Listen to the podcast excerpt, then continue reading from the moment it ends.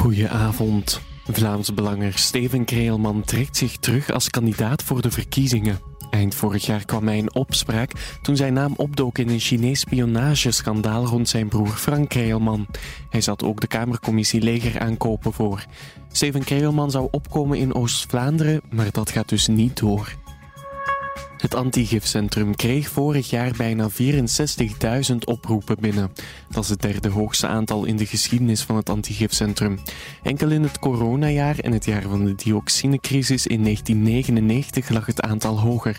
Dat blijkt uit een jaarverslag. Patrick de Kok. De helft van de oproepen gingen over geneesmiddelen. Een kwart van de oproepen over chemische producten, waaronder vooral natuurlijk huishoudproducten. En daarnaast zijn er nog cosmetica, biociden en andere producten waarvoor de mensen ons bellen. Nu, wat er concreet gebeurt is, mensen worden blootgesteld aan een product waarvan zij vermoeden dat het giftig is, wat dikwijls ook het geval is. En zij krijgen dan aan de telefoon de nodige hulpverlening. Donald Trump roept de Amerikaanse president Joe Biden op om een cognitieve test af te leggen. Dat schrijft hij op Truth Social. Misschien komen we zo te weten waarom hij zulke vreselijke beslissingen neemt, schrijft Trump. Gisteren onderging Biden nog een medische test.